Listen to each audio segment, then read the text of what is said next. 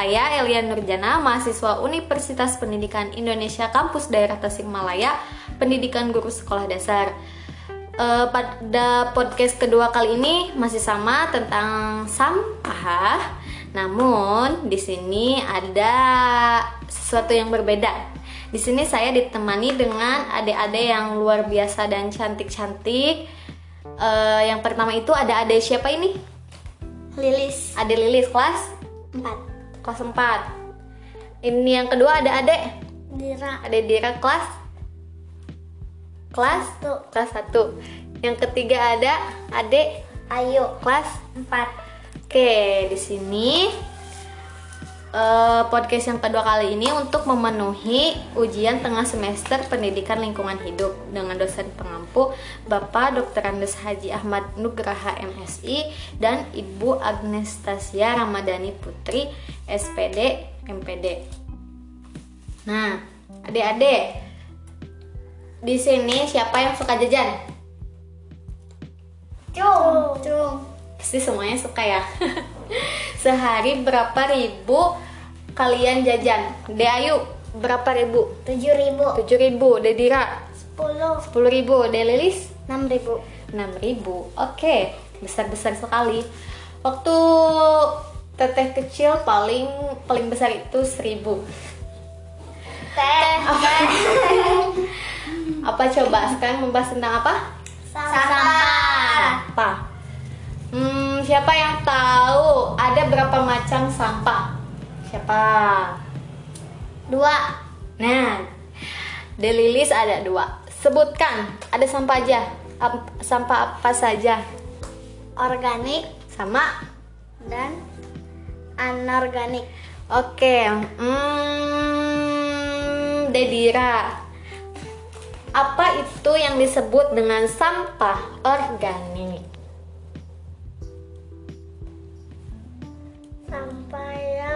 Mudah diurai kembali seperti kali Kulit. kulit pisang sisa makan sayur Oke. Terus De Ayu ketawa terus ini. Sebutkan pengertian dari sampah anorganik. Sampah anorganik adalah sampah yang sulit diurai kembali seperti botol plastik, kemasan plastik. Oke, di sini adik-adik suka jajan seperti apa? Contohnya setiap hari jajan apa? Plastik. Jajan plastik. Berbentuk plastik mungkin maksudnya ya. Kemasan kemasan plastik gitu. Contohnya permen. Masa iya mah jajan plastik? Mungkin maksud itu guys jajannya berbentuk kemasan plastik, botol plastik ya kan? Contohnya seperti permen. Permen, terus minuman-minuman yang suka di plastik itu kan. Nah, Dedira juga sama suka jajan seperti itu. Wah, berarti adik-adik di sini tiap hari nyampah dong.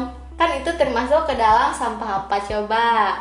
Sa- masuk ke sampah anorganik.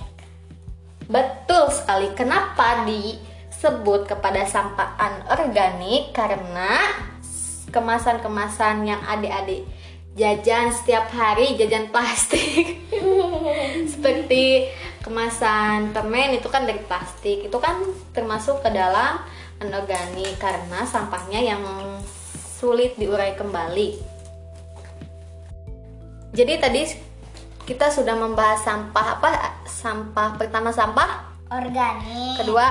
anorganik. Nah, kita sudah mengenal macam-macam sampah di sini. Siapa yang tahu dampak dari buang sampah sembarangan, mengkonsumsi sampah yang berkemasan plastik setiap hari gitu. Siapa yang tahu? Yang pertama dampaknya siapa? Ayo, cung. Ayo siapa? Dedira. Yang pertama ada dampaknya apa gitu? Banjir. Apa-apa? Banjir. Banjir. Apa yang benar Dayu? Banjir. Jadi banjir, banjir. Teteh juga susah sih banjir. Ya, sepertinya eh, kita hmm, sama-sama itu deh bilang R-nya. banjir. Nah, kenapa bisa banjir? Kenapa, Ade Ayu? Kenapa banjir itu terjadi? Kenapa banjir itu ada? Karena banyak sampah menumpuk di sungai. Wah, berarti sampah itu kita harus ke mana dan harus diapain? Nah, Teteh pengen tahu dong, apakah teman-teman di sini adik-adik kita temenan atau adik-adean nih? Teman-temanan aja ya. Teman-temanan, ya teman-teman teman-teman di sini karena Teteh juga umurnya masih 9 tahun sih, tambah 11. 19 tahun. Jadi, apa aja sih e, beberapa tip atau strategi untuk apa ya agar sampah itu tidak menumpuk, tidak menggunung dan tidak menyebabkan banjir. De Ayu, apa aja gitu ya?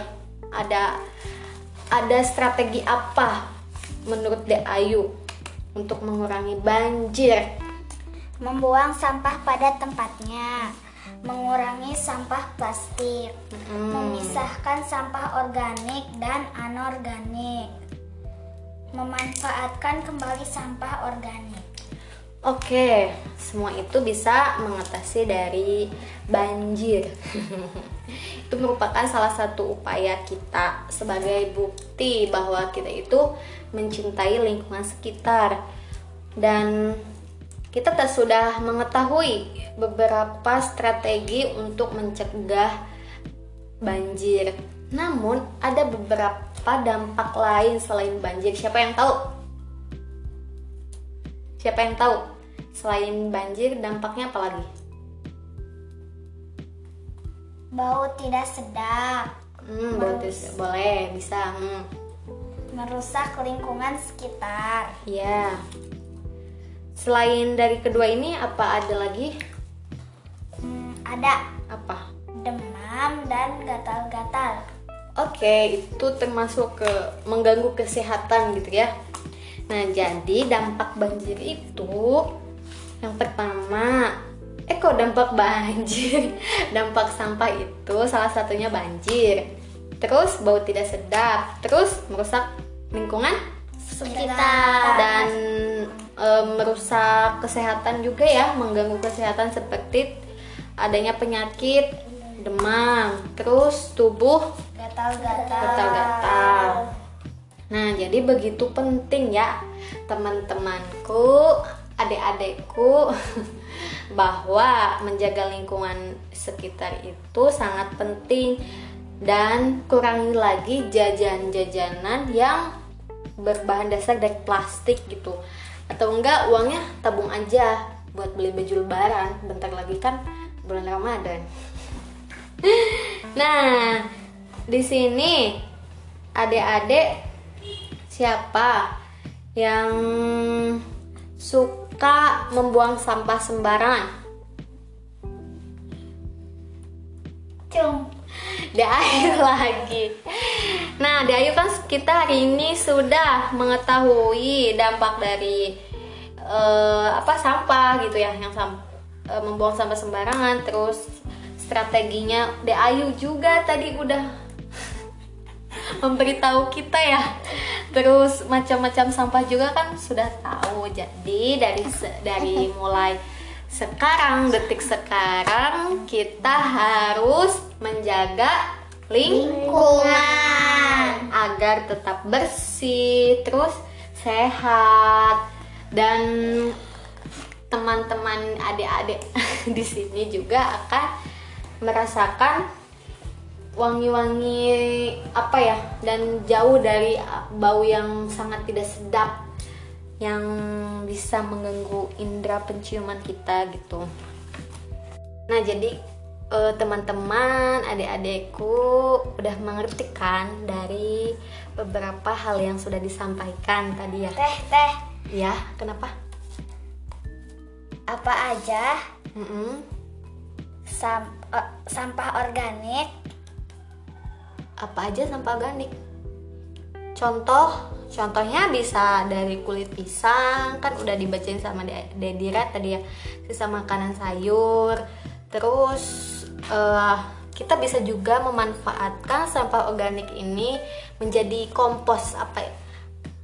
Apakah tahu De Ayu apakah eh, kompos itu apa gitu berbentuk apa?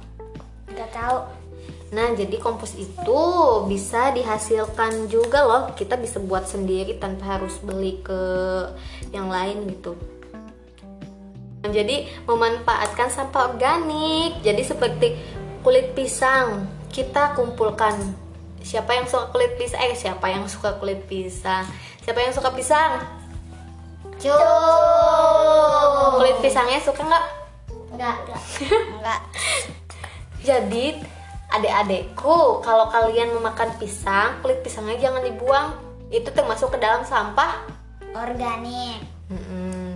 Nah, sampah organik itu bisa dimanfaatkan juga loh. Jadi eh, kita kan melimpah gitu ya di daerah kita begitu apa ya sumber daya alam kita itu masih alami de- dekat dengan pegunungan, perkebunan dan mayoritas di daerah kita juga yaitu pekerjaannya petani gitu.